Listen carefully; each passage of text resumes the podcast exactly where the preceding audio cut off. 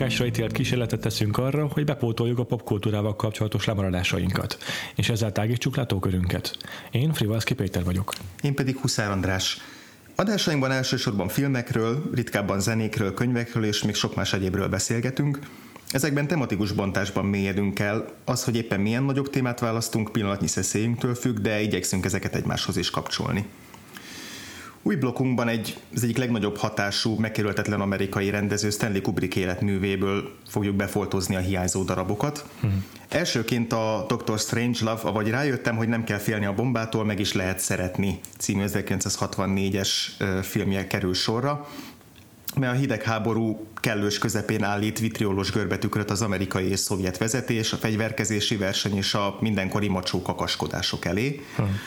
A halálosan komoly szexuális áthallásokban is bővelkedő szatíra, melyben Peter Sellers három gyökeresen eltérő, egyaránt emlékezetes figurával vezet végig bennünket a bürokrácia expressionista alakzatokkal tagolt útvesztőjén, a korszakban húsba vágóan aktuális kérdéseket feszeget, ám egyben sötéten komikus tanulságai mára sem vesztettek érvényükből. Az első kérdésem az tulajdonképpen először Stanley Kubrickra vonatkozik. Hogy állsz te Stanley Kubrickkal? Igazából viszonylag sok filmjét láttam, persze nem mondanám, hogy teljes körül az ismeretem Stanley Kubrick filmográfiáival kapcsolatban, de így a talán a legalapvetőbbek az én meg voltak. Mm-hmm. Most persze kivéve a Doctor Strange levot, mert ezt tekinthetjük a legalapvetőbb művének, de láttam a ragyogást, a Spartacus-t. 2001 űrűd A 2001 űrűd a Full Metal Jacket-et. Mechanikus szóval narancs. Mechanikus narancsot. De azért ez a, ez a Doctor Strange már nagyon régóta rajta volt a listámon, uh-huh. természetesen. Uh-huh. És azért részleteiben ismertem is a filmet, Aha. tehát így csomó részem, csomó, csomó dolgot ismertem belőle, tudtam, hogy szatíra, láttam a jelenteit külön-külön sokszor, például amikor a bombát megüli a végén a pilóta, Aha. meg egy csomó ilyen apróság meg volt vele kapcsolatban, de azért nem volt, nem volt, nem volt a felkészítve arra, hogy, hogy egész pontosan milyen motivumok is vannak vissza végighúzódni az egész filmem. Aha. Egyébként nagyon tetszett, amit láttam. Aha. Neked mi volt a, mi a, mi a Kubrick élményed? Ja, egyébként teljesen hasonló, tehát ahogy felsorolod a filmeket, a, a Full Metal Jacket az nekem kimarad, de egyébként ezek a a fontos Kubrick sarokpontok, plusz a Spartacus, ami egy kicsit mm. ilyen kívül, kívül esik, vagy legalábbis kevésbé szokták emlegetni, hogyha felsorolják a, a rendező életműnek a nagy korszakos filmjeit.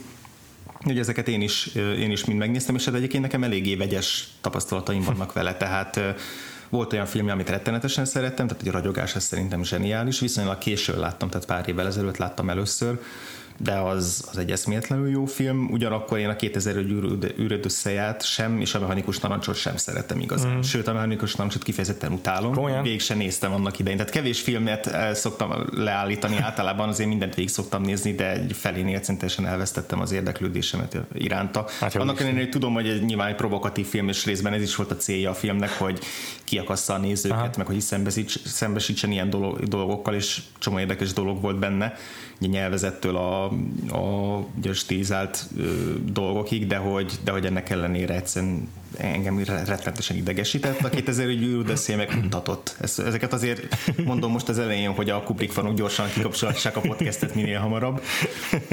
Úgyhogy e, e, emiatt aztán hiába tudtam én is sok mindent a Dr. Strange Love-ról, azért nem voltam benne teljesen biztos, hogy ez tetszeni fog ez a film, mert hogy fürödtem én már be nagy Kubrick klasszikusokkal. Ugye ennek ellenére, az, vagy, vagy épp ezért kifejezett, örültem neki, hogy kifejezetten tetszett a film. Elsőre, amikor megnéztem, akkor nem hagyott olyan mély nyomot bennem, uh-huh. de ahogy így telik az idő a megtekintés után, úgy egyre inkább így, ahogy így dolgozom fel a filmet, egyre inkább előtérbe kerülnek az érdemei. Úgyhogy ez a pozitív ö, oszlopba fog kerülni nála, így utólag. Aha.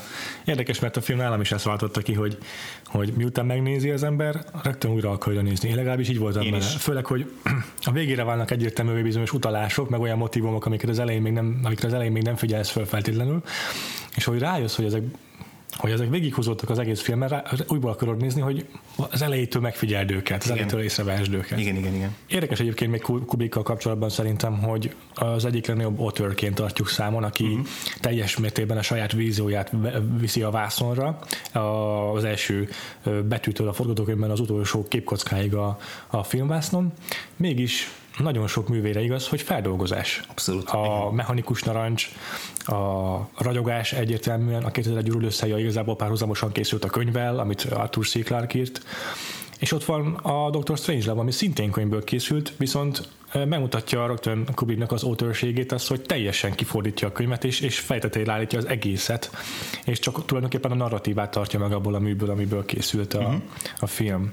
Ez a könyv, amiről beszélünk, a Red Alert, amelynek szerzője Peter George. Ez egy teljesen komolyan vett és hitelesen ábrázolt háborús rakétakrízist ír le, amely egyébként a korszakban, az 1960-as években egy ilyen annyira, annyira meghatározó téma volt, hogy mindenki, aki tudott írni, értett a gazdaságpolitikához, vagy a politikához, vagy akár a matematikához, az biztos, hogy a termonukleáris dilemmáról írt könyvet, meg a rakétaháborúról. Uh-huh. Ez annyira rányomta a bélyegét arra a korszakra, hogy hogy ö, még Kubrickot is megiklette.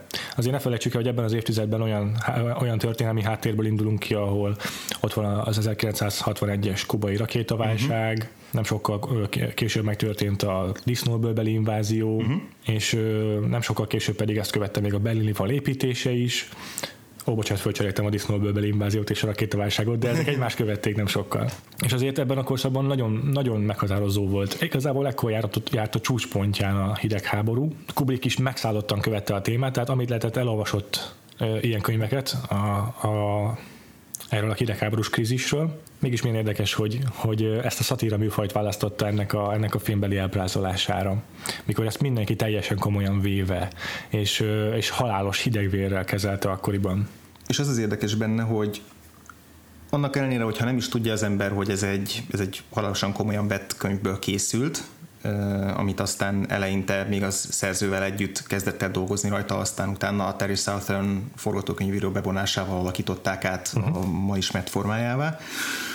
De tulajdonképpen, ha belegondolunk, annak ellenére, hogy ez egy szatíra, ugyanúgy ö, egy teljesen kőegyenes thriller ö, alapokra és szüzsére épül. Tehát hmm. egy okay. nagyon feszes thriller történet húzódik végig a filmen. Az elején megtörténik egy ilyen kiváltó esemény, és onnantól kezdve gyakorlatilag módszeresen és, és szünet nélkül és kitérők nélkül vezet végig minket a film a, azon, hogy mi történik, hogyha egy, egy tábornok a fejébe veszi, hogy neki elege van az ilyen a politikusoknak az ilyen puha csatározásaiból, és kirobbantja a világháborút. Kubricknak az az egyik nagy érdeme, vagy ö, a teljesítménye, ahogy ezt a, a thriller ö, alapot összeegyezteti a, a szatírával, meg a humorával, és ebből nagyon furcsa egyvele kerül ki, hogy annak ellenére, hogy ugye szatírától azt várjuk, hogy ilyen nagyon látványosan röhögős filmek uh-huh. legyenek, tehát uh, nyilván ezek ilyen marógúnyal operáló filmek, ahol Uh, ahol a, a szereplőknek az agresszivitása vagy, a,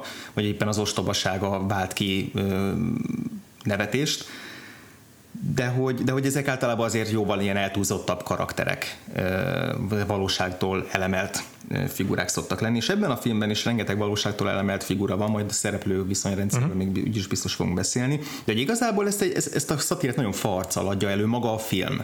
Igen. Soha nincsen semmilyen olyan motívum, vagy olyan olyan eszköz, ami hangsúlyozná ennek a filmnek a szatira volt. Tehát nincsenek olyan zenei betétek benne, nincsenek olyan, hmm.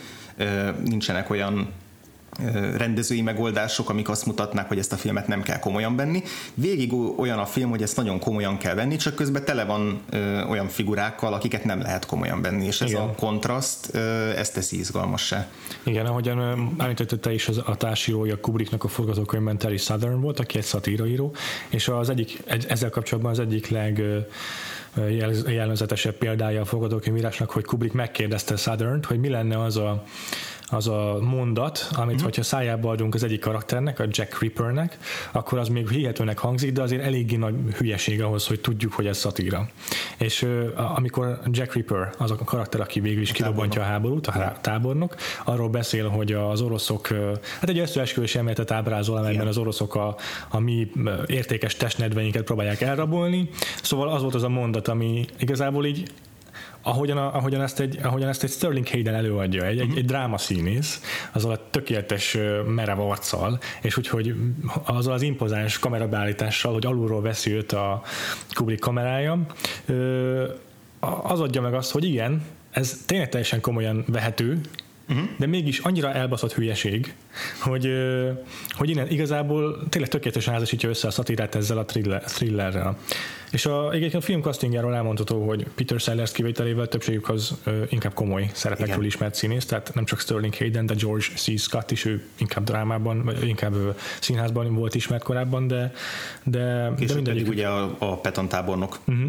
Igen. alakította Oscar díjas igen. filmben. És, és, és itt is mindegyikükről elmondható, hogy, hogy hát főleg, főleg Sterling Hayden alakításából teljesen, teljes mértékben hiányzik a humor, vagy annak a, annak a látszata is, hogy ő ezt nem veszik komolyan. Igen. Viszont a többiek is baromi erős alakításokat nyújtanak. És az a jó, hogy akkor most rátértünk a színészekre, azt csinálja nagyon jól a, a film, hogy hogy minden, mint hogyha minden szereplőnek meg lenne a maga szólama mindenki egy kicsit más jellegű figurát uh-huh. hoz. Ahogy mondott Sterling Hayden karaktere Ripper, ő, ő egy teljesen, teljesen komoly figura. Uh-huh. Sellers karakterei, akikről majd külön is uh-huh. fogunk beszélni, ők is más-más minőséget képviselnek. Uh, George, George C. Scott karaktere egy, egy infantilis idióta, aki, akinek az összes mozdulatát és az összes gesztusát szándékosan eltúloztatta George C. Scott-tal Kubrick. Buck Turgidson, már a neve is röhelyes. Igazából ez is tök hogy az összes karakternév komolyan vehetetlen. Igen, gyorsan soroljuk is fel, hogy van, van egy Bad Guano nevű karakter, van, itt van Turgidzon, ugye majdnem Turd igen. hogyha egy picit Igen. átalakítjuk, de Igen. ott van a Burpelson támaszponton játszódik a történetnek egy nagy része, akkor az orosz nagykövetet Szadeszkinek hívják, illetve aki, van egy szereplő, akinek talán csak egy mondata van a, a, hadit, a válság központban, Aha. aki General Facemannek hívnak. Igen. Szóval azt kell tudnunk a Buck Turgidson hogy valós karakterről mintázták, de hát azért egyértelműen bőven eltúlzott figuráról mm. van szó. Tényleg, tényleg, ahogy te is mondod, infantilis. Tulajdonképpen így a primér állati, meg a szexuális ösztönöktől vezérelt figuráról beszélünk, harcias, a győzelem, győzeleméhes, Uh, igazából néha annyira belefeltkezik ebbe a háborús vérszomjába, hogy így el is feltkezik arról, hogy, hogy uh, itt egy háborút kéne megakadályozniuk, egy, egy, egy katasztrófát kéne megakadályozniuk.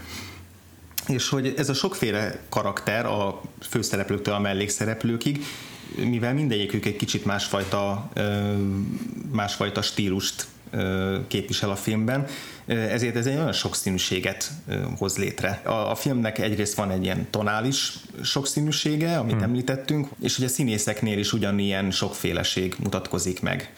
Szóval azok kedvéért, akik esetleg régen látták a filmet, vagy egyáltalán nem is látták, vagy csak egyszerűen memória frissítésre van szükségük, a, az a történetünk, hogy Jack D. Ripper, akit Sterling Hayden játszik, és már korábban említettük, a Burpleson légibázisnak a tábornoka, egy paranoid gondolattól vezérelve úgy dönt, hogy kirobbant egy háborút az oroszokkal, és oda küld egy csomó bombázót, hogy felrobbantsák a, a katonai támaszpontjaikat az oroszoknak. Atombombákkal. Atombombákkal, igen és ez a hír eljut a Pentagonba, ahol megjelenik az elnök, és egy válságtanácsot hoznak létre, ez a War Roomban történik az ikonikus helyszínen, és itt próbálják tárgyalás útján megakadályozni ezt a háborús katasztrófát, megjelenik az oroszok nagykövete is, bekapcsolódik a beszélgetésbe telefonon keresztül az orosz pártelnök, uh-huh.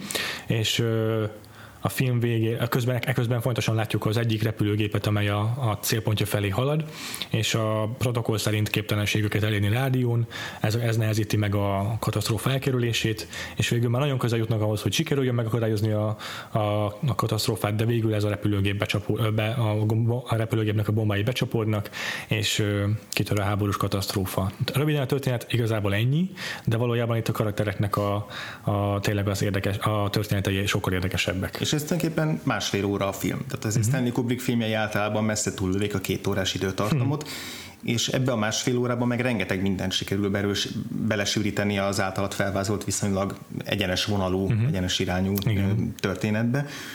És, és valóban a, a stílusban ez a fajta ilyen végzetesség és feszültség a, a domináns, az, hogy, ez egy, hogy az első pillanattól ér, érezzük, hogy ez egy visszafordítatatlan szituáció. Igen és, és ami nekem nagyon tetszett, hogy a, a film első felében, sőt a film nagy részében tulajdonképpen azt látjuk, hogy minden összeesküszik azok ellen, akik meg akarják akadályozni ezt a katasztrófát. Tehát ugye van tulajdonképpen egy ember, aki ezt kirobbantja, van néhány, aki kapva kap az alkalmon, és megpróbálja, megpróbál ráülni erre, erre a lóra, uh-huh. mint ugye George C. Scott karakter, uh-huh. aki igazából tökre örülne neki, hogyha ez a háború megtörténne.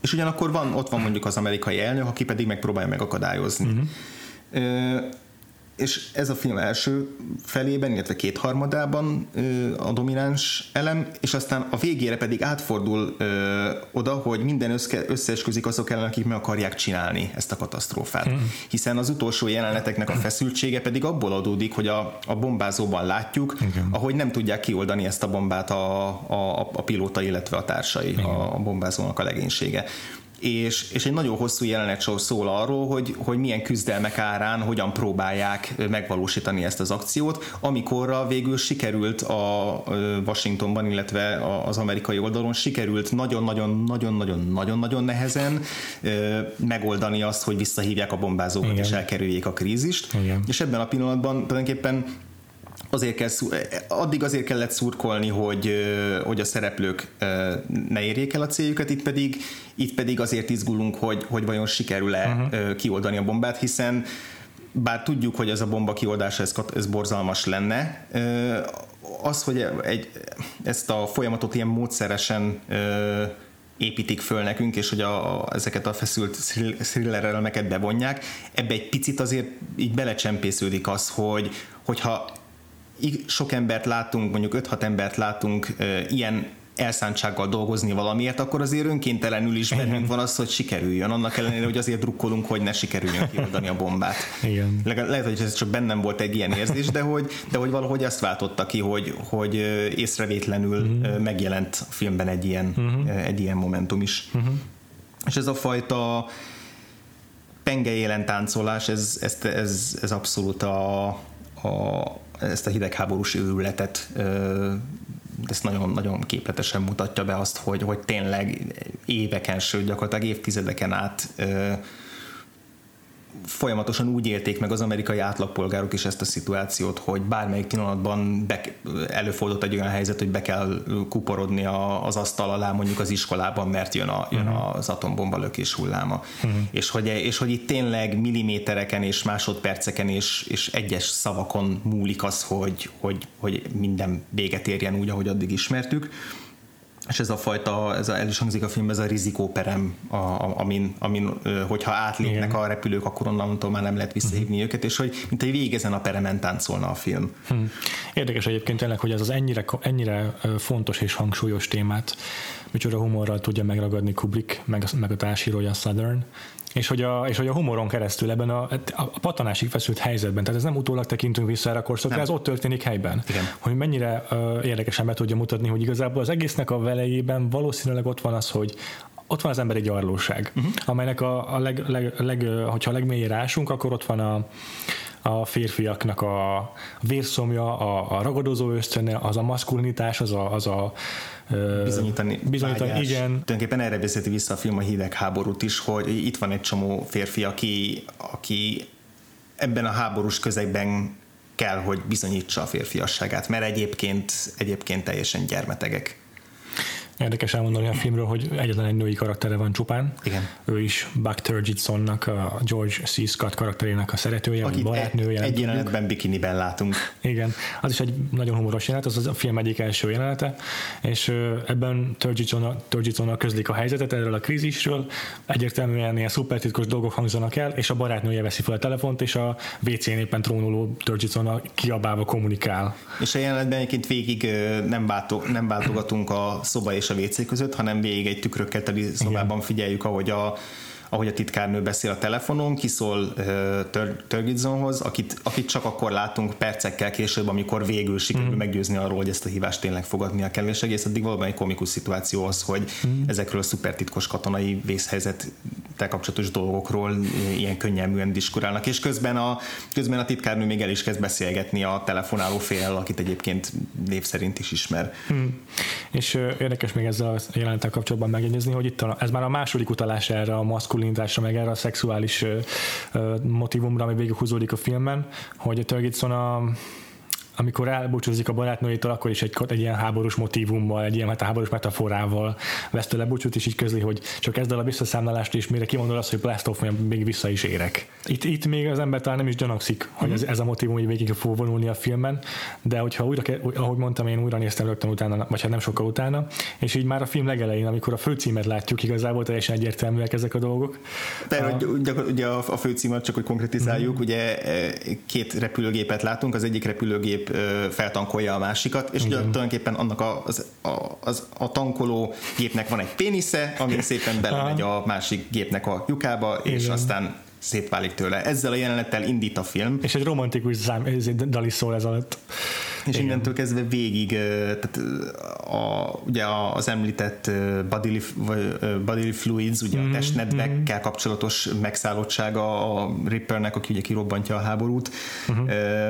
Akkor a akkor a Turgidson-nak ez a fajta ilyen impotenciája, hogy még a válság, válság tanácskozás kellős közepén is fogad egy telefonhívást, ahol arról kell győzködni a barátnőjét, hogy, hogy igen, neki ő a legfontosabb, mm. talán még majd feleségül is veszi. Igen és hát arról nem is beszélve, hogy gyakorlatilag így balról jobbra röpködnek a filmben a fallikus szimbólumok. Igen, igen. A, a, Ott van Reaper, akinek egy óriási szivarló ki mindig a szájából. A, egy későbbi jelenetben pedig egy gigantikus gépkarabénak a cserét simogatja. Igen.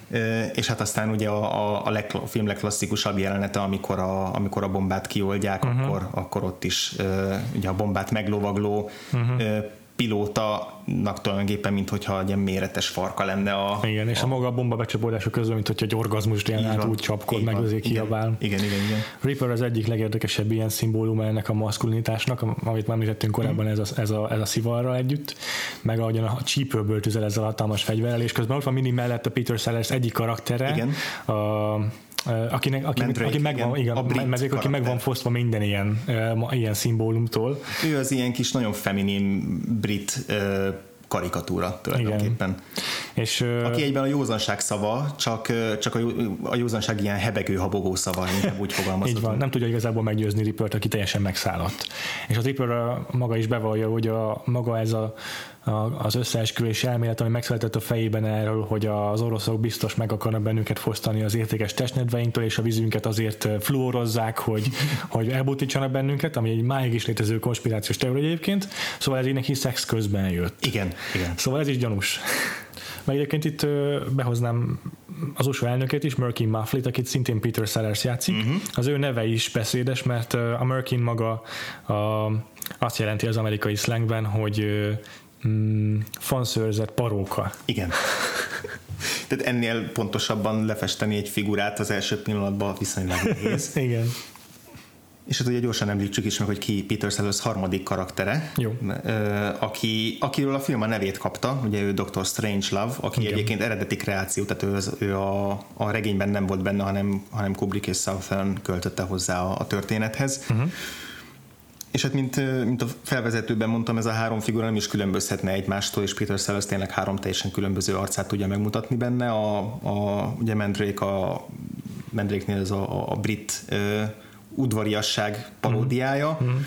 Ö, akkor az elnök a tulajdonképpen a legjózanabb karakter a filmben, tehát ő az, aki, és, a, és talán annak ellenére, hogy nem, nem éri el a célját, de, de ő az, akit Kubrick nem akar paródiaként ábrázolni. Így van. Ö, Egyébként a megjelenésében szerintem kísértetiesen hasonlít Rooseveltre, hm. de magát a karaktert Peter Sellers saját bevallása szerint az akkori ENSZ nagykövetről, Adlai Stevensonról mintázta. Igen.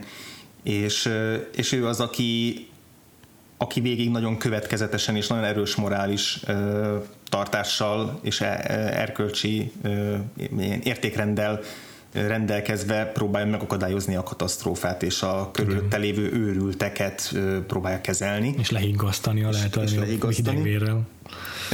De ez nem jelenti azt, hogy ne lenne vicces, mert hogy hmm. ott van például a, a film egyik legviccesebb jelenete a telefonbeszélgetése a, a szovjet elnökkel. Amit szinte egész végig improvizált. Igen. Amit, amit végig improvizált, ugye Kubrickról az egyik talán legnagyobb klisé, hogy ő ilyen nagyon módszeres, nagyon metodikus, nagyon perfekcionista rendező, aki minden jelenetet 5000 szer vesz föl, uh-huh. egészen addig, amíg elő nem tudja csalni a színészeiből azt, ami, uh-huh. azt, amit akar. De ugyanakkor ez nem jelenti azt, hogy hogy ne engedne teret az improvizációnak. Tehát a, a, a, a filmjeiben a legikonikusabb jeleneteket nagyrészt a színészek tették bele a filmbe és, és Sellersre pedig itt ugye tulajdonképpen rábízták az, hogy csinálja azt, amit amúgy is csinál. A legnagyobb poénok tényleg ahhoz kötődnek, amit ő ott helyben kitalált. Ezeket persze Kubrick így később visszaírta a forgatókönyvet, tehát ez nem csak olyan improvizáció, hogy ott helyben így megszületett, és, és aztán, aztán mentek tovább, hanem, hanem tényleg ezeket gyorsan beírták, és aztán újból is újból felvették valószínűleg az, hogy tökéletes legyen. De tényleg ezeket Sellers találta ki és, és szenzációsan játszotta el. Ebben a telefonbeszélgetésben tulajdonképpen minden egyes hangsúlynak, minden egyes szünetnek, minden intonációnak szerepe van. Az, hogy, a, hogy hogyan próbálja úgy beadni a, a, a szovjet oldalon lévő ö, vezetőnek azt, hogy tulajdonképpen órákon belül atombombát fognak dobni rá, de ő, de ő nem tehet róla, és hogyan próbálja óvatosan megközelíteni és, és pozitív oldalról ö, megközelíteni ezt, a, ezt az eseményt, és puhítani ennek az erejét, aha, mert tudja, aha. hogy ki fog borulni az Igen, elnök. És aztán, és aztán utána pedig egymást győzködik arról, hogy, hogy pontosabban meg kell győzni arról, hogy ő egyébként is szívesen beszélgetni ja, vele telefonon, illetve... Nem csak azért hívja fel, mert most gond van, amúgy tök jó van vannak tök jó szívesen beszélget vele bármikor, ugye hidegháborúban vagyunk, igen. És ilyenkor a legfontosabb, izé, a, izé, legfontosabb lenyutatni a sértődött orosz pártelnököt. Így van, illetve a, a, talán kedvencem az egész beszélgetésből az a rövid szünet, és ilyen talán még, még ilyen hallható nagy nyelés is, vagy legalábbis én oda képzeltem azt a nyelés, mielőtt kimondta volna azt, hogy, a, hogy, hogy, hogy, hogy bomba fog hullani hmm. a bizonyos célpontokra. Aha. És aztán a, míg a beszélgetés elején arról győzködi, hogy ő egyébként is szívesen beszélne vele, a mhm. beszélgetés végén arról győzködi, hogy ő legalább annyira sajnálja ezt a dolgot, igen, mint a, mint igen, a és versengenek szinte, melyikük sajnálja jobban. Nekem a kedvenc momentumom egyébként az belőle, amikor kijelenti, hogy nincs értelme hisztérikusan viselkedni, és ezt olyan hisztérikus, hisztérikus hangon mondja. Itt, itt van ez a két karakter, aki már különböző. Egyébként nekem Mendé, hogyha most gyorsan egy top 3-at kéne felállítani a Peter. Sellers karakterekből, akkor Mendré kerülni a legutolsó helyre. Igen, igen. Ő számomra nem működött annyira, illetve talán ő volt a legkevésbé érdekes figura. Igen. Kontrasztban jól működött uh, Ripperrel, tehát a kettőjük párosa végül is jól Persze. kiegészítette egymást. Igazából neki tényleg az volt a szerepe, hogy alájátszon egy ilyen Pontosan. másod, másod zenészként Rippernek. És hát bármennyire is ugye az elnök egy, egy jól megfogott karakter, azért, azért kimagaslóan Strange Love számomra legalábbis a, ennek, ennek a filmnek a csúcspontja. Tehát Egyértelmű. az a figura az, az egészen szenzációs. Az is szenzációs, hogy 50 perc telik el a filmből, mire egyáltalán felbukkan. Van egy darab jelenete, ahol még csak érezzük, hogy valami nem stimmel ezzel a figurával, utána megint eltűnik egy darabig, Aha. és a finálé az övé. Igen. Hát a film fináléja, miután ö, robban a bomba, gyakorlatilag vele csúcsosodik ki. Igen. Ö, rá, rá összpontosul, és azért ez egy baromi merész húzás egy filmtől, hogy egy olyan karakter lesz a, mhm. a, a filmnek a, a főszereplője az utolsó jelenetben, akit addig egyetlen egyszer láttunk. És hát tényleg Peter Sellers mindent beleteszed be a figurába, amit bele lehet tenni. A, a, a, azzal, hogy, hogy Stanley Kubrick, a Stanley Kubrick által hordott fekete bőrkesztyűt, amit mm. a, mhm. a forgatáson használt forró izzóknak a kicseréléséhez igen, azt kölcsönvette, és ezt én bionikus karnak használta utána, Igen. vagy annak a szimbólumának, Igen. akkor egyáltalán az a kicsavart görcsös mozgás, amit a uh-huh. kerekesszékben előadott, uh-huh. a, a folyamatos arcára fagyott vigyor, amiből szinte így süt az, hogy bármelyik pillanatban bicsol rá, és átász üvöltésé ford, alakulhat át és hát természetesen a, a, a, röhelyes akcentus, ami, igen, ami rengeteget igen. hozzátesz a figurához, igen. de hogy eh, tehát ez, ez a karakter egészen, egészen elképesztően szenzációs. Már az is sokat elárul, hogy Kubrick ugye a film címének az ő nevét választotta. Ez ugyanaz jelent, ugyanazt, ugyanazt a felfogást tükrözi, mint az, hogy a fő címben látjuk ezt a tulajdonképpen a két repülőgépnek a párzását. Hogy előrevetíti azt, hogy ez a film miről fog igazából szólni, de nem mondja ki, ez a, itt, itt még csak tényleg subtext szinten beszélünk erről a szexualitásról, meg a, meg a maszkulinitásról, és az, hogy Dr. Strangelove csak a film végére válik egy fontos karakteri, és ott pedig meglátjuk, hogy ott igazából az ő, ő utolsó monológiában válik a subtext texté, és így rögtön kimondódik az, hogy miről is szól ez a film igazából. Igen, arról, hogy majd a bunkerben hogyan kell újra szaporítani és termékenyíteni a saját perverz elképzelései szerint föld, a föld lakosságát. És hogy egészen addig, amíg fel nem robban a bomba, amíg van esély arra, hogy még békés megoldás lehet, addig még szóhoz jutnak a, a józanabb érmérsékletű hangok, de abban a pillanatban, hogy ez megtörténik, egy, elmebeteg, egy, egy elmebeteg őrült lesz a, hmm. az egyedüli hang, aki, aki fontos. Tehát, hogy amint kitör a háború, onnantól kezdve ez is szimbolizálja azt, hogy, hogy, hogy esély sincs arra, hogy, hogy a háborúban józan hangok érvényesüljenek, mert Igen. akkor az őrülteké lesz a szó.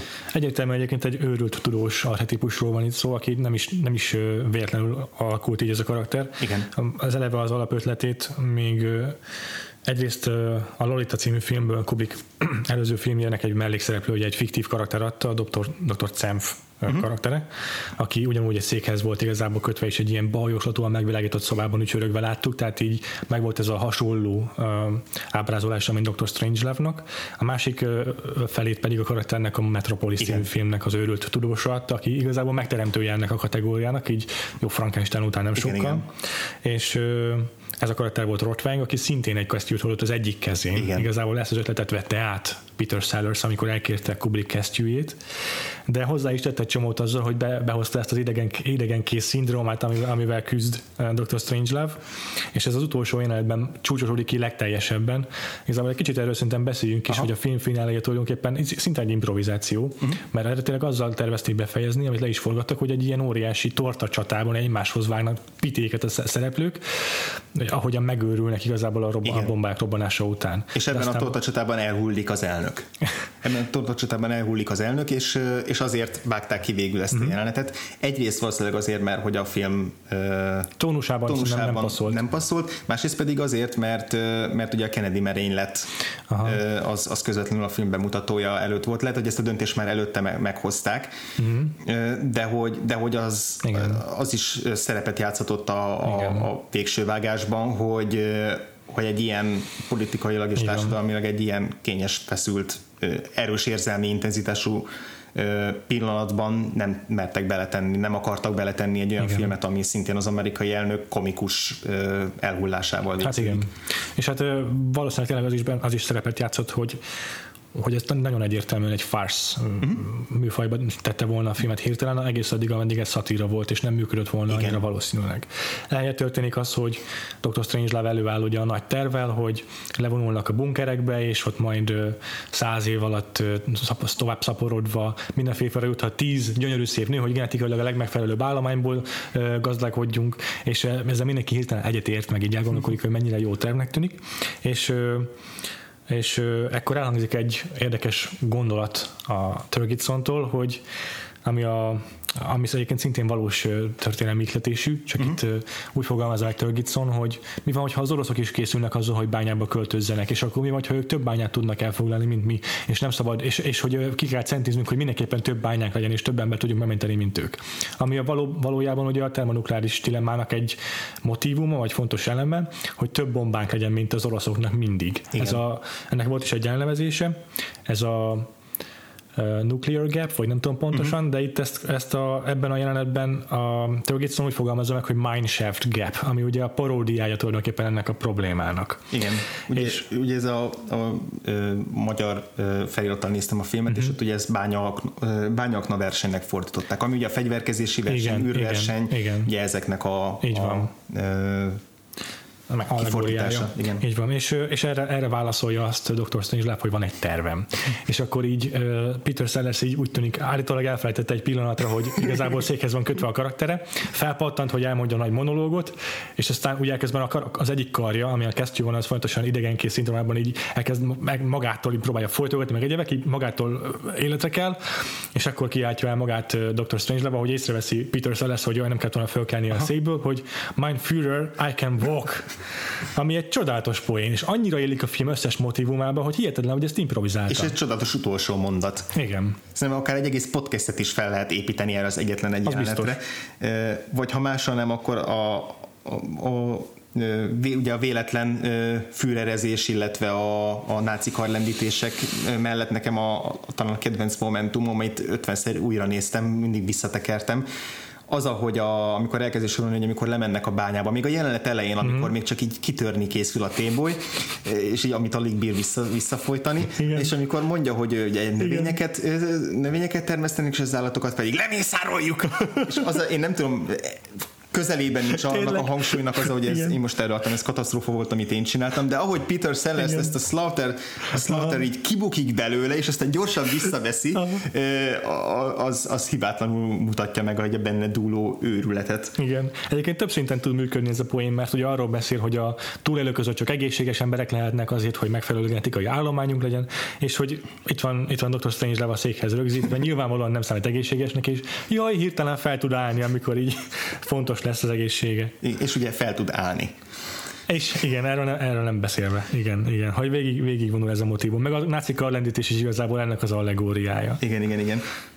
Hozzáteszem még, hogy a, el kellett tel, telnie körülbelül odáig a filmnek, hogy megjelent Dr. Strangelove, amikor rádöbbentem, hogy az amerikai elnök és Mendréket ugyanaz Igen. a színész játsza. Igen. Gyanakodtam egy picit, de annyira különböző volt a két karakternek a teljes monírkészlete, uh-huh, uh-huh. Hogy, hogy, hogy végül úgy néztem a filmet, mint hogyha két különböző színész játszaná Igen. önkéntelenül. Úgyhogy ezzel a hármassal tulajdonképpen így beírta magát nálam a, a másik kedvenc ilyen sok szereplős, egy filmben sok szerepet játszó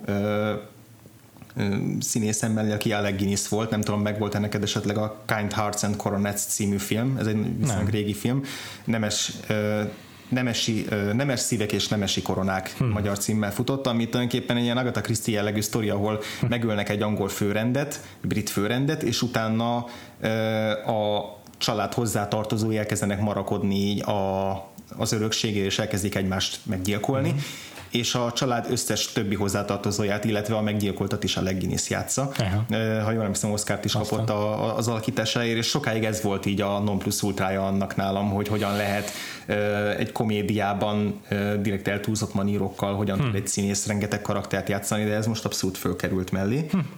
Egyébként a film közben egy csomó olyan érzésem volt egy-egy színészen, így nagyon emlékeztet valamelyik modern napjaink színészére, és aztán amikor rájöttem, hogy, hogy, hogy kiket idéznek fel bennem a, ezek a karakterek, akkor gyorsan meg is alkottam a Doctor Strangelove remake szereposztását, aminél borzalmasabb ötlet talán csak egy visszajövőbe remake lenne.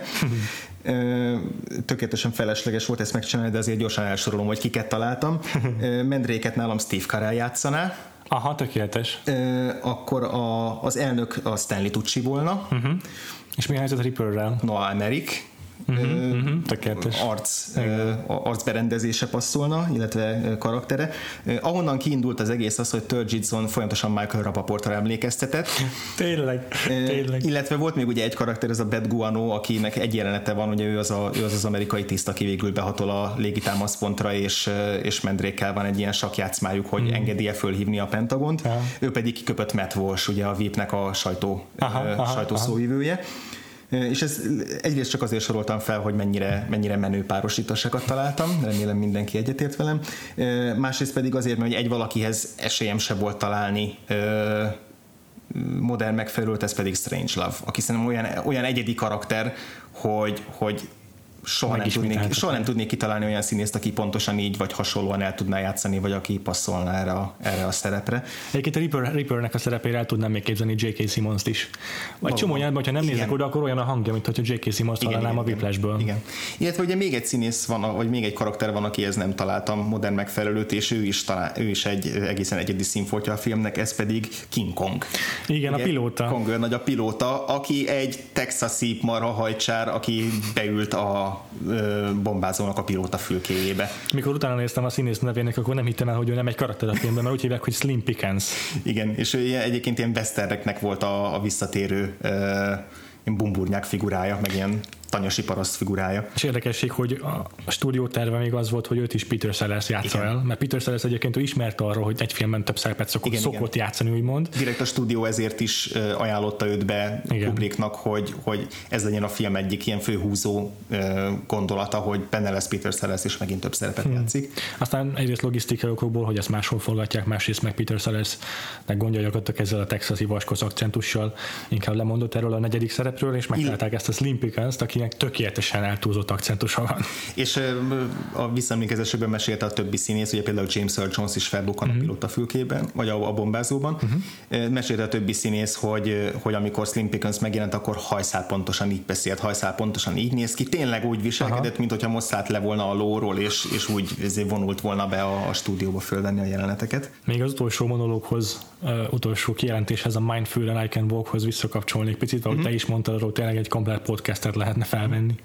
De nem mondtuk ki, hogy van olyan, van olyan subtextje is annak az egésznek, hogy van egy olyan mondani valója is, hogy ahogyan arról beszélnek tényleg, hogy a, az emberiség fennmaradásához milyen egyedekre van szükség, mm. és ekközben ugye, ahogyan ezt magyarázza Dr. Strangelove, fontosan akarja, próbál náci lendítésbe lendülni. Igazából ez tulajdonképpen azt sugalja, hogy hanem nem is kell kimondanunk ezt, de hogy a nácizmus nem halott, csak egészen egyáig annak tettette magát. Ahogy Strangelove karja eddig nem nagyon mozgott, vagy nem nagyon volt életképes, hirtelen, amikor erről van szó, hogy, hogy a, hogyan fog a, az uh-huh. az emberiségnek az a kicsik és szelete, akik tökéletesek, új. igen, új, új emberiséget alkotni, hirtelen rögtön életre, életre kell ez a karja. És ugye ez is egy, ez is egy népszerű visszatérő tróp így a 60-as, 70-es éveknek ezekben a paranoia meg összeesküvés elméletes filmjeikben, ugye a, a a náci háborús bűnösök, akik megszöktek és, és rejtőzködnek mondjuk Dél-Amerikában, vagy Amerikában a kormány ugye alkalmazza őket az atomprogramban. Uh-huh. Ugye több ilyen, több ilyen ugye volt a braziliai fiúk, a Gregory Pecker meg a Laurence Olivier, illetve a Maraton életre halára, ugye Dustin Hoffmanos film, amiben szintén Laurence Olivier volt egy, egy volt haláltáboros uh-huh. figura, tehát hogy ez is egy ilyen ez már inkább ilyen ponyva, ponyva könyv, regényeknek és filmeknek ilyen visszatérő trópja a, a a rejtőzködő náci, aki, aki közben ugyanúgy mesterkedik, és egyébként filmnézés után jutott eszembe, hogy akkor tulajdonképpen innen, innen ered Dr. Krüger is a, az Archerből. Aha. Ennek is Dr. Strange az előképe. Az biztos. És amivel szinte minden szereplőnek megvan a valós életbeli megfelelője, mm. csak maximum kevésbé változott formában. Dr. Strange volt egész konkrétan Werner von Braunról, mint ezt a v 2 rakéta megépítőjéről, aki aztán az amerikai űrverseny megnyerésében játszott fontos szerepet. Mm. És hát ahogy említettem, a, az összeesküvés filmeknél és az ilyen paranoia filmek is részben a Doctor Strange-nak rengeteg mindent köszönhetnek, itt tematikailag is, de hogy vizuálisan is, ezt szerintem egy kicsit uh-huh. érdemes rátérni erre. Mindenképp. Kezdjük is rögtön a díszlettel, a, a film legfőbb díszletével, legjelentősebb díszletével, ugye a, a válságteremmel. Igen. Tulajdonképpen egy, egy óriási, egy gigantikus terem, egy hatalmas központi asztallal, körülötte székek, és fölül pedig, pedig egy ilyen kör lámpa, Igen. vagy kör ilyen lámpa világítja meg, illetve ugye ennek a, a térnek a kialakítása pedig a, ugye korábban említettük a Metropolis, az itt is megjelenik a Metropolis hatása, ugye a német expressionizmus a vizuális uh-huh. stílusa, ugye ezek az erősen ilyen döntött falak, éles szögek, ezek a geometriai alakzatok, ezek Egyrészt ezek, másrészt pedig a, a fényárnyék hatásoknak így a nagyon erős kontraszt, kontrasztosása, ami, ami ezt a filmes irányzatot képviseli. Hmm.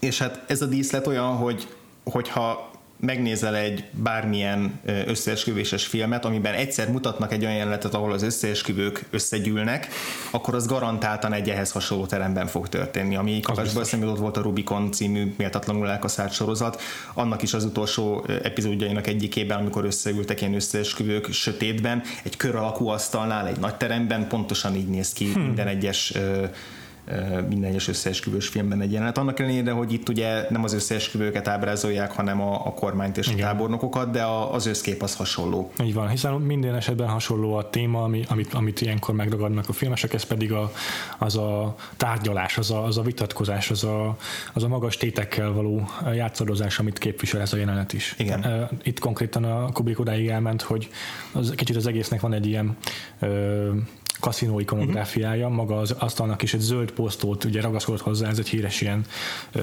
trivia filmmel kapcsolatban, ragaszkodott ahhoz, hogy zöld posztója legyen ennek az asztalnak, méghozzá olyan zöld, mint amilyen egy póker asztalnak az zöldje, annak ellenére, hogy fekete-fehér szalagra forgatták a filmet. Uh-huh. De azt akart elérni ezzel, hogy a színészek, akik ezt körbeülik, úgy érezzék magukat, mint egy póker, azt, mint hogyha kockán, uh-huh. mint hogyha szerencsejátékoznának csupán. Igen.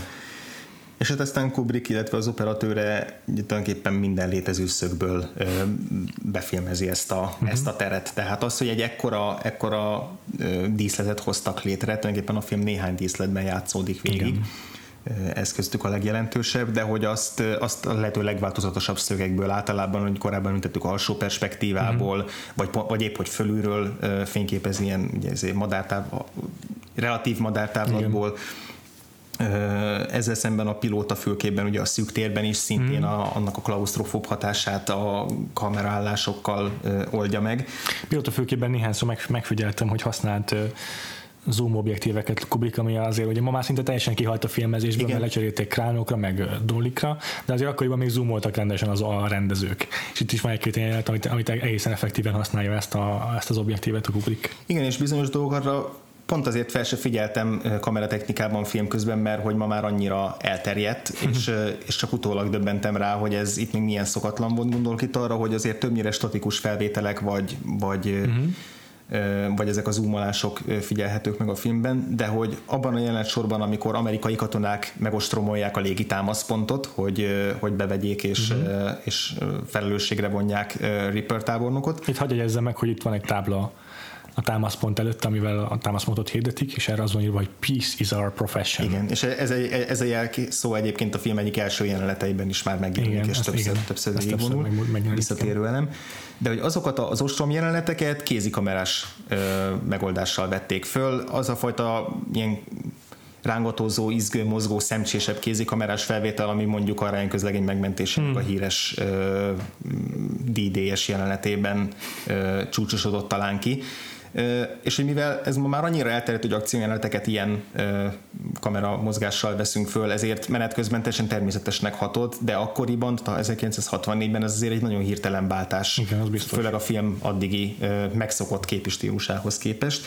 Egyéb, egyéb tudatos rendezői döntések között emeljük még ki, hogy tehát fekete-fehér a film, 1963-ban ezért ez már nem volt annyira kötelező dolog, tehát ott nagyon sok volt már technikolor film, Kubrick korábbi filmje, a Spartacus is mm. például már színes volt, és ez egy tudatos döntés volt, hogy inkább ez a film noáros, alulvilágított, sötétebb, teljesen fekete-fehér, ahogy a film maga, a témája is ilyen uh-huh. fekete-fehér, azt akarta ezzel hangsúlyozni a rendező. Illetve hát ekkor már elterjedt volt a széles vászon is, uh-huh. és ehhez képest ez a film ez közel van a ma ismert 16-9-es formátumhoz a képarányát tekintetében. 5-3-as igazából a képaránya, ami félúton van a, a a széles vászon között, ami az 1,85 per 1, uh-huh. illetve hát a full frame a 3 per 2 vagy a 4 per 3 Igen. között, ami egy sokkal szűkebb, klaustrofóbabb, klaustrofóbabb képarány, a, segít kihangsúlyozni a nagy köz, a, a totálokat, vagy a nagy közelieket az arcokon, amikor Jack Ripper arcát Igen. nagyon alulról, nagyon közelről veszi, és így te, a teljes képernyőt betölti az ő arca, azzal is azt hangsúlyozza, vagy azt, e, azt fokozza Kubrick, hogy lát, látjuk ennek az, ennek az arcnak az összes rezdülését, azt az őrületet, ami kiül az arcára, miközben az oroszoknak a összeesküvéseiről beszél. Igen, és ugye ezeket a egészen közeli felvételeket pedig olyan, olyan totálokkal váltogatja, viszonylag hosszan kitartott totálokkal, aminek nagyon nagy a mélység élessége, mm. és ezért az egész teret be tudja tölteni. Igen. Látszik az végig élesen, ahogy a, a, a terem másik végéből mondjuk közeledik az egyik szereplő, például pont ennél a, a, a Az a kedvenc jelenetem. És Ripper beszélgetésénél, amit végig a Ripper mögül vesz fel a kamera. Igen, erről akarok is még majd beszélni. Oké, okay, akkor ezt, ezt, ezt majd ráthagyom. Bennem az, hogy a film fekete-fehér lett, amellett, hogy a noáros hatásokat emeli ki, illetve hogy a Metropolisra való uh-huh. utalás is könnyebbé, könnyebbé teszi. Nekem főleg, főleg a film elején még ilyen filmhíradós hatást is kell. Tehát ahogy a film uh-huh. indul a narrációval, ahogy beszámol, yeah. a, beszámol a a narrátor tulajdonképpen megosztja a legfontosabb háttérinformációkat a nézőkkel is, az pontosan olyan stílusban, olyan realista stílusban történik, mint ahogy egy korábbi filmhíradó, vagy egy, akár egy korábbi, mondjuk egy világháború uh-huh. idején, második világháborús filmhíradóban látnánk. Tehát, hogy ez is azt a fajta realizmus határozza meg már rögtön a film elején, amit aztán folyamatosan ütköztet a, a, a szatírával a film az ember meg, egy valaha is próbált játszani, vagy játszott már Fallout videójátékkal, akkor egy az egyben rá, rájött, hogy innen emelték a teljes ikonográfiát annak a videójátéknak. Amit mondtál, jelenetet, amiben Jack Ripper próbálja meggyőzni a Mandrake százados, Aha arról akarok egy picit még beszélni, mert Jó. ez egy tök érdekes rendezői megoldás szerintem azzal, hogy tényleg lerakta a statikus kamerát Kubrick Reaper háta mögé, és egy nagy mélységélességű lencsével veszi fel a kettőjüket, és közben Mandrake így igazából járkál a szobában Igen. tulajdonképpen nagyon, nagyon hatásos az, a, az, a, az ahogyan a, elhelyezi a színészeit a rendező, ez a blockingnak nevezett technika, vagy hát ö, filmes eszköz. És ez, ahogy Ripper marad a helyén végig, az ilyen statikus, Igen. ilyen kiroppanthatatlan figura, igen. egy bástya, és Mendrék pedig, aki, aki bergődik a hálójában. Igen, igen.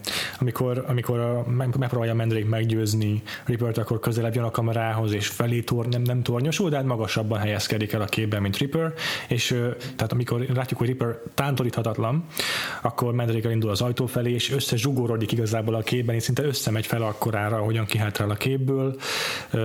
aztán követi a Tripper, hogy a bezárt ajtó, amikor nem tud kijutni Mendrik, akkor, akkor egymás mellé állnak, és akkor megint fölé tornyosul Ripper, aztán visszaül Ripper, és akkor a Mendrik megpróbálja újból meggyőzni, és akkor megint közelebb kerül a kamerához, és megint fölé magasodik, és így végül kivonul a szobából egyedül, és így, és így ahogy kiáltal a képből, így minden erejét elveszíti a karakter. Nagyon ügyes megoldás. És közben ugye ott van az az egyvágás, amikor, amikor végérvényesen egyértelművé válik, hogy, hogy Mendréket itt tulajdonképpen túlszú fogják ejteni, amikor ugye ez az alsó perspektívából Igen. közelről veszik a szivarozó uh, Rippert, uh, és, a, és a következő vágásban pedig, amikor elhúzza az újságot az asztalról, és ott van alatta a pisztoly. Tehát amikor a fenyegetés egyértelművé uh-huh. válik. Uh-huh.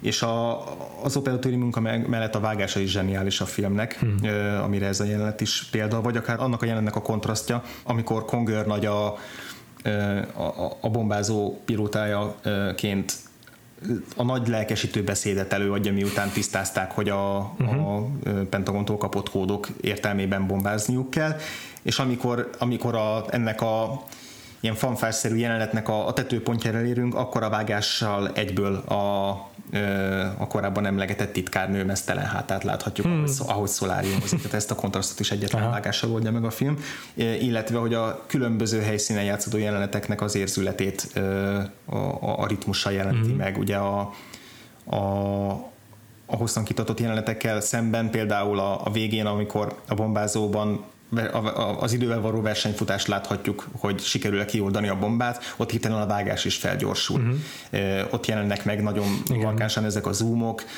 nincsenek 3-4 másodpercnél hosszabb snittek abban a jelenet, jelenet sorban, uh-huh. tehát hogy sokkal, sokkal a, ezt a zaklatottságot, ezt a, ezt a versenyfutást az idővel a, a vágáson keresztül jeleníti meg Kubrick illetve én még egy jelenetet emelnék ki, ami, ami szintén az operatőri munkát, a vágást, a blockingot uh-huh. hozza, sűríti egyben, nekem talán az volt a, a kedvenc jelenetem ilyen szempontból.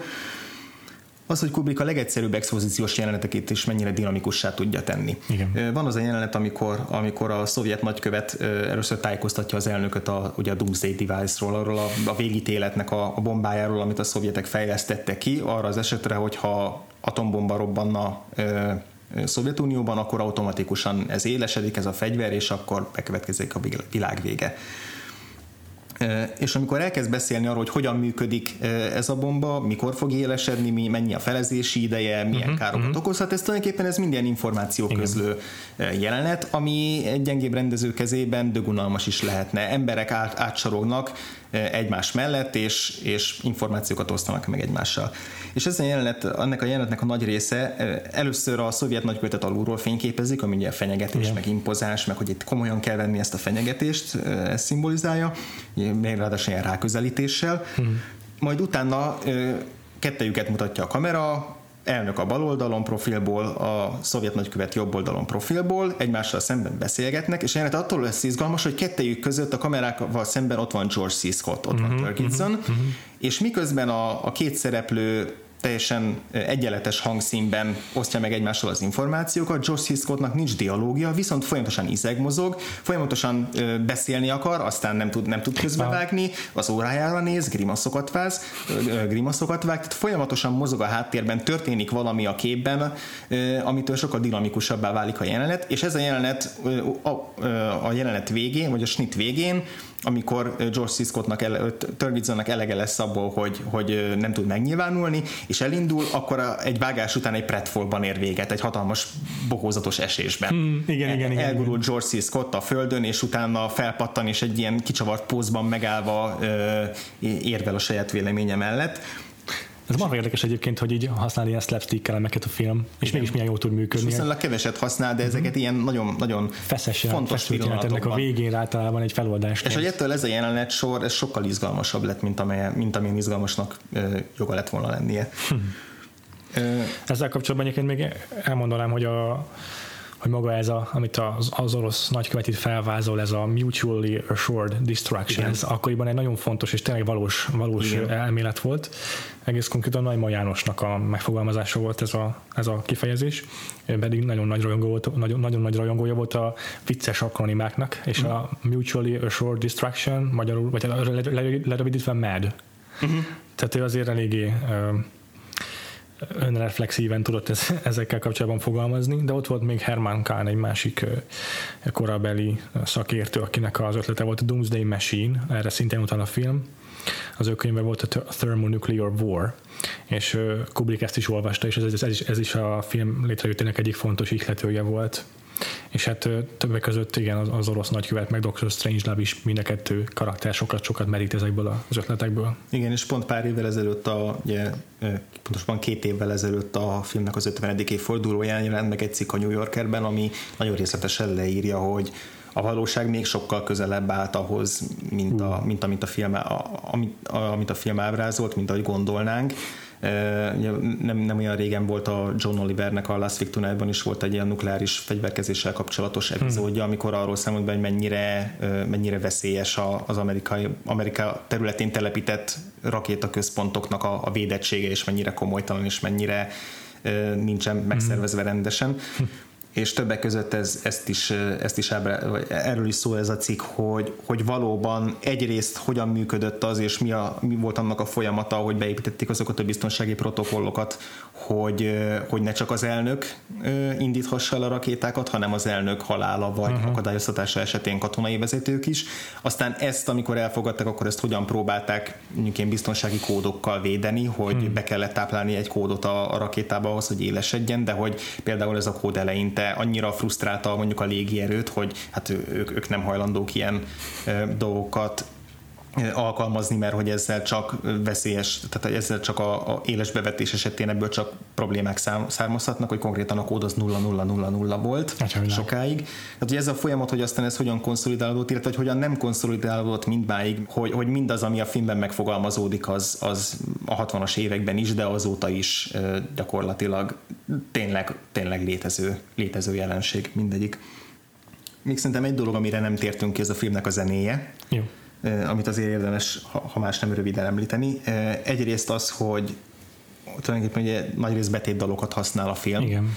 Az egyik a legfontosabb visszatérő beszéd, betétdal. When Johnny Comes Marching Home, ez egy ilyen klasszikus katonai menetdal, ami egyébként rengeteg film és sorozat felhasznált. Uh-huh. Ezt mindig a repülőgépnek a jelenetei alatt A repülőgép jelenetei alatt halljuk, egy klasszikus motivum, ami körülbelül 5 perc kellett ahhoz, hogy rájöjjek, hogy én honnan, emlékez, honnan emlékszem rá a leginkább a Die Hard 3-ban valahányszor ugye a, a sarlós gyilkos Igen. Jeremy Ironsnak a, a jobb keze vonult végig, a, és gyilkolászott, akkor közbe szólt ez, illetve a nagy beszédek alatt is. Igen. A popkultúrában talán ez az egyik leg, legnépszerűbb alkalmazási formája. Igen.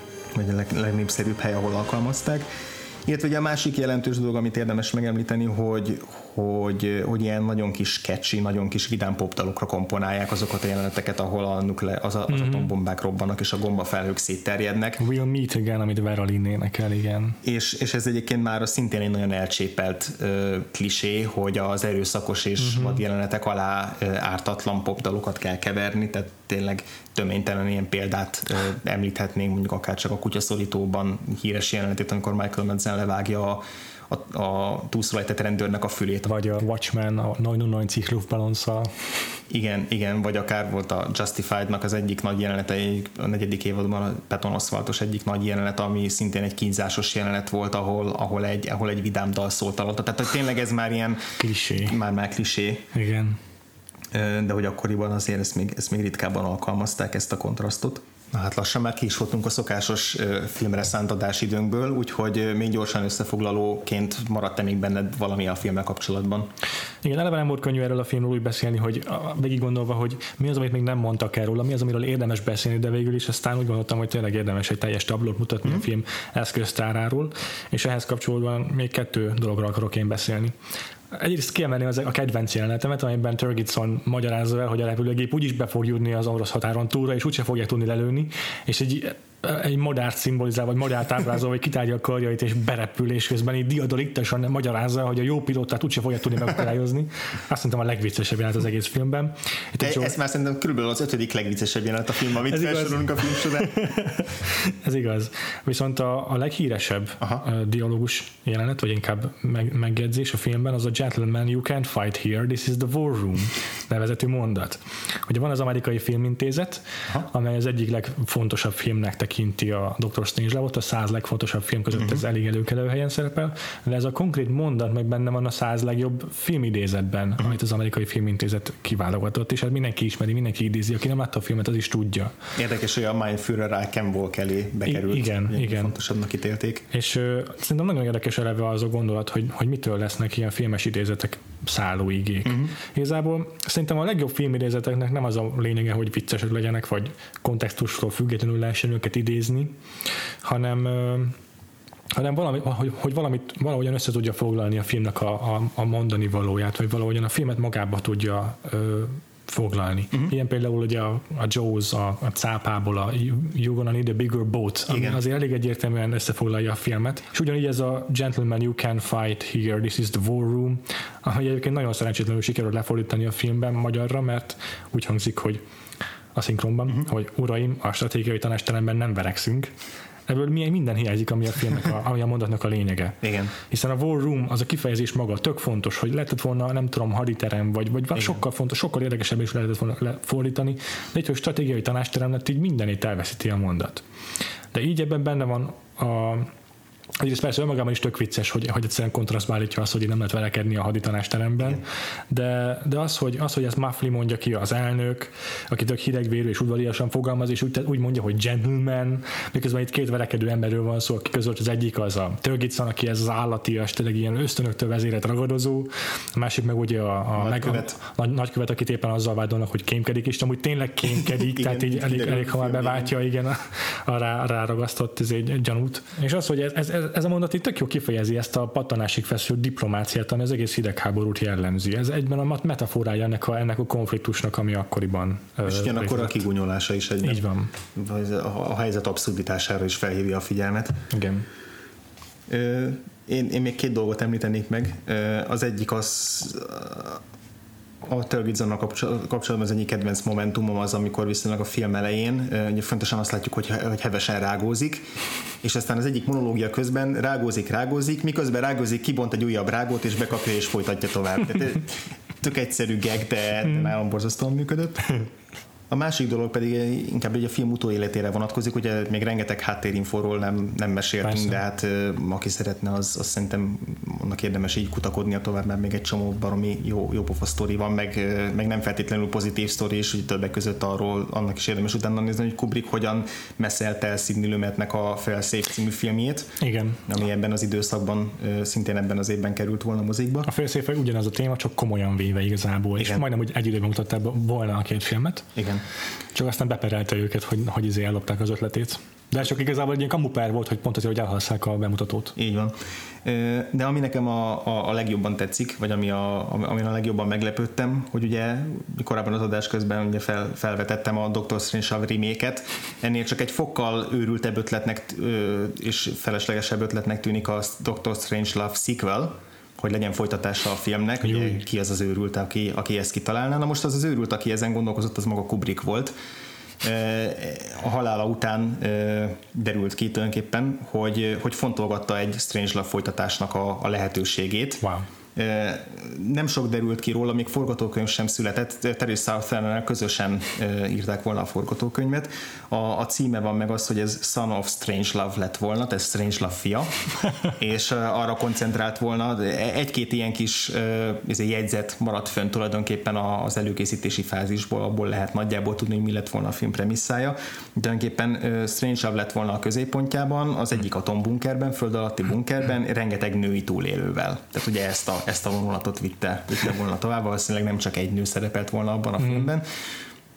És ami miatt, ami miatt kicsit sajnálom, hogy ez nem valósult meg ez a filmötlet, hogy, hogy ezt nem ő rendezte volna, hanem átadta volna a rendezés lehetőségét Terry Gilliamnek. Wow. És Terry Gilliam volt az, aki tulajdonképpen erről egy interjúban mesélt pár évvel ezelőtt, hogy erről ő se tudott, soha nem, soha nem mondta neki, nem, nem, nem volt kapcsolatban vele, nem tudott róla, hogy volt Kubricknak egy ilyen szándéka, de hogy, de hogy ebből született volna, születhetett volna egy hasonlóan ö, meglepő ö, film, mint, uh-huh. a, mint a Spielbergnek a, az AI, a mesterséges intelligencia, ami szintén ugye tulajdonképpen Kubrick és, és Spielberg közös gyermeke Igen. voltak éppen. Igen. Nagyon-nagyon kíváncsi lettem volna, hogy szóval, hogyha valaki csinál Dr. Strange folytatást, akkor az Terry Gilliam legyen, hozzátéve, hogy Terry Gilliamnek egy normális film elkészítése és olyan méretű kozmikus akadályokba ütközik, hogy lassan kételkedem abban, hogy valaha képes lesz orbitális nehézségek nélkül filmet készíteni, mm. de, de ezt, ezt nagyon megnéztem volna, hogy ez megvalósul.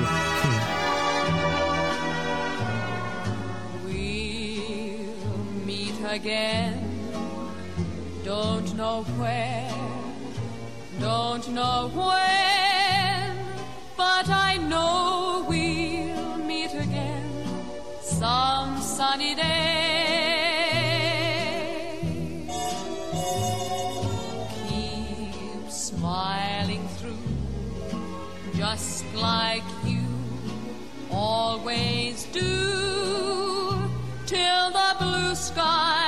drive the dark clouds far away. So will you please say hello Tehát nem maradt más mint a kitőkítő rovatunk, melyben elrogozkodunk adásunk témájától, és elmesélünk egy olyan kulturális élményt, ami nagy örömet szerzett nekünk a közelmúltban. Legyen szó egy, egy szerepjátékos podcastről, vagy akár egy sorozattal kapcsolatos cikkről. Mi lesz ma nálad a kitekintőnek a témája, Péter? Mielőtt elárulnám, hogy mi a témám, akarok egy fontos mm, hírt közölni. Na. Még a legelső adásunkban, hogyha valaki hallgatta, beszéltem a a Salt Lens nevű társasjátékról, Igen. egy magyar fejlesztésű társasról, amely uh, akkor még csak készült a Kickstarterre, de most, hogy ez, mire az adásba kerül ez, addigra már lehet, hogy le is zárul az a Kickstarter, mert összegyűlt rá a pénz. Na. Elég hamar megcsinálták a srácok, és uh, be is fizettem rá, hogy hogy meg lesz a játék nekem is szerencsére. Uh, és uh, csomót fejlesztettek rajta, mióta mm, én játszottam bele. Igazából kicsináltak újfajta játékmódokat, meg bővültek a kártyák is, marha izgalmasan hangzik, úgyhogy nagyon jó szerintem ez a, ahogyan alakul ennek a játéknak a fejlődése érdemes ránézni Kickstarteren, még mindig zajlik, és vannak stretch gólok, tehát egyre jobban fog bővülni a kínálat, hogyha több pénzt kapnak. Uh-huh. Úgyhogy akit érdekel a téma, az nézzen rá. De nem erről akartam beszélni valójában, hanem egy másik Kickstarter projektről, aminek a címe Hearts Blazing. Ez egy Playdate nevű cég, vagy hát ilyen csoport által fejlesztett kártyajáték, vagy társasjáték. Uh-huh. Hogyha valaki ismeri a Yes Dark Master-t, vagy hát a magyarul sötét, igenis sötét nagyúr címmel megjelent játékot, vagy a Fiaszkót, uh-huh. ami magyarul nem jelent meg, de egy jól elérhető ilyen ingyenes játék igazából, vagy hát open source valamennyire. A, annak ismerős lehet ez a mesélős, kollaboratív szerepjáték jellegű történet, amit a Hearts Blazing-ben össze kell rakni. Ez a játék a hőskorszakbeli skifi TV sorozatoknak a szellemiségét idézi, meg az ilyen Buck Rogers, meg hasonlókat, Aha. meg az eredeti Star Trek-et, és ö, megnéztem egy végigjátszást a kártyajátékkal, amit az egyik kedvenc szerepjátékos podcastemnek a részvevői csináltak, a One Shot Podcast készítői csináltak, Twitch-en volt fenn a játék, és ö, az egész videót meg lehet tekinteni ma is. Az a lényeg az egésznek, hogy kártyákat húztok egy pakliból, amelyben történet elemek vannak, de mielőtt ezt megtennétek, előtte egy settinget ki kell, ki kell dolgoznotok. Uh-huh. Amit itt a One Shot podcastesek csináltak a Twitch-en, az egy ilyen posztapokaliptikus, vízivilágos uh, setting volt, és ebben játszottak egy ilyen kalózos, hajózós Ez teljesen rá van bízva játékosok? Teljesen. Vagy? Igazából ezt úgy kezdték, hogy még egy darab kártyát se úsztak fel a pakliból, csak ezt így kitálták, hogy legyen. És egy ilyen nagy anyahajón játszódott a sztorinak a nagy része, és ehhez hozták hozzá a kártyákat, amiken vannak ilyen ellenfelek, meg sztori elemek, aha. és akkor mindegyik kártya rajta van, hogy mire kell kifutnia, vannak különböző karakterek, a karakter arhetipusok, és így kell az epizódokat, úgymond recapelni, hogy hogy voltokat írni igazából az epizódokból uh-huh. a mhm. játék során. És ezekből a hogy voltokból először egy évad, vagy hát egy egész sorozatnak a története, mire Aha. a játéknak a végére értek. Szóval egy egész vicces alapötlet szerintem, és hogyha jó, kreatív játékosok vagytok, akkor egy nagyon vicces sztorit lehet ebből kidolgozni. Szóval Hearts Blazing az én kitekintőm a Playdate-től, amit a Kickstarter-en lehet most megtalálni. Uh-huh. És nál mi volt a heti kitekintő, András? Az én kitekintőm ez egy képregény lesz, egy viszonylag friss, jelenleg is futó képregény sorozat, 2014-ben indult, jelenleg a 19. számnál tart. A címe The Wicked and the Divine. Hmm. Ez Kieran Gillen az írója és Jamie McKelvey a rajzolója, ő a, ők a fő alkotópáros. Kieran Gillen korábban különböző Marvel sorozatokhoz készített sztorikat, illetve volt egy, volt egy saját ilyen indie rock témájú saját, saját gyártású képregény sorozata. Ez az Image kiadónál jelenik meg, ez a, ez a történet. A, a premisszája a lényeg az tulajdonképpen az, hogy, hogy az Istenek köztünk élnek, de nem ám akárhogy, 90 évente bukkannak fel újra és újra a Föld történetében. Uh-huh minden 90. évben reinkarnálódnak, 12-en vannak, 12 Isten, és miután reinkarnálódnak, két év áll a rendelkezésükre, két év után meghalnak. Cserébe, hogy csak két évig élhetnek, ez alatt a két év alatt teljes imádat és hódolat fogja övezni őket, olyan képességekkel rendelkeznek, amivel emberek millióinak okozhatnak minden képzetet felülmúló örömet és boldogságot, tehát valódi istenekként élhetnek, de, de szükre szabott az élettartamuk. És a, a fő trükkje az, ugye ez napjaink, napjaink Londonjában játszódik, hogy hogy napjainkban ezek az istenek, ezek popstárok alakját veszik föl. Tulajdonképpen celebek és popstárok. Egészen pontos megfeleltetéseket is lehet adni. Van olyan isten, aki David Bovira emlékeztet, van, aki Prince-re emlékeztet, van, aki Rihannára, van, aki a Florence and the Machine énekesnőjére, tehát így igazából mindenki felfedezheti azt, hogy vajon a különböző istenek azok kire emlékeztetnek. Mindenkinek más-más képességei vannak, mhm. más-más karaktere. Rajtuk keresztül mutatja be a képregény egyrészt a sztárkultusznak a hatását, azt, hogy a, a sztárkultusz az mennyire el tud tolódni ilyen tényleg bálványozás, imádat, hódolat felé, az, hogy a popkultúra milyen hatással tud lenni az emberekre, ennek a, a pozitív oldal és az árnyoldalát egyaránt, a média szerepét, a népszerűség, a celeb kultúrának a, a szerepét mind bemutatja, és ezen felül, tehát a, hogy ilyen, ilyen modern témához horgonyozza le ezt a történetet, ezen felül kiépít egy barom izgalmas mitológiát ezekkel az istenekkel, és közben, közben vizuálisan is nagyon izgalmas a képregény, van egy, van egy füzet, amiben tulajdonképpen a, az egyik isten ilyen óriási transzpartikat tart, a, ami ilyen hm. LSD hatáshoz, vagy, vagy drogmámorhoz hasonló hatást vált ki az ott résztvevőkből, és az azt, hogy ez vizuálisan leképzi a képregény, az borzasztóan izgalmas nagyon jók a karakterek, nagyon kemények a fordulatok, nem bánik kesztyűskézzel a karaktereivel a képregény, és közben az egészet belengi egy olyan nagyon, nagyon erős melankólia, ami, ami abból fakad, hogy tulajdonképpen a, a pop kultúra meg a sztárkultusz mellett a, az élet végességével foglalkozik a, ja. a képregény azzal, hogy az emberek hogyan élik meg azt, hogy az isteneknek mekkora hatalom adatik meg, és az istenek hogyan élik meg, hogy ezzel mennyi ideig gazdálkodhatnak. Hmm Számomra jelenleg, ezt most pár hét alatt daráltam be ezt a, ezt a képregény sorozatot, de, de most magasan a legjobb jelenleg futó képregény sorozat. Tehát a, a szagától, ami Marvelen keresztül rengeteg kedvencemet, tehát így megeszi reggelire. Ez a Wicked plus Divine képregény. Oké. Okay. Na hát akkor miután mi is kölcsönösen meggyőződünk ennek a podcastnek az elpusztításáról, még be kell jelentenünk az elérhetőségeinket a nektek. Amíg még létezünk, és amíg még van ember, aki meg tudja nézni őket. Így van. Kezdjük is rögtön a honlapunkkal, amelynek a címe vakfoltpodcast.hu. Folytassuk tovább a Facebook oldalunkkal, facebook.com per vakfoltpodcast, ott, ott nem csak az adásokat találjátok meg, hanem ilyen kis szemelvényeket, meg érdekességeket is szoktunk kiposztolni adások között iTunes-on is fel van a podcastünk, ha itt egy értékelés leadtok rólunk, akkor borzasztó hálásak leszünk. A Letterboxdon a Vagfolt címke alatt követhetitek azokat a filmeket, amiket megnézünk az adás keretei között. Uh-huh.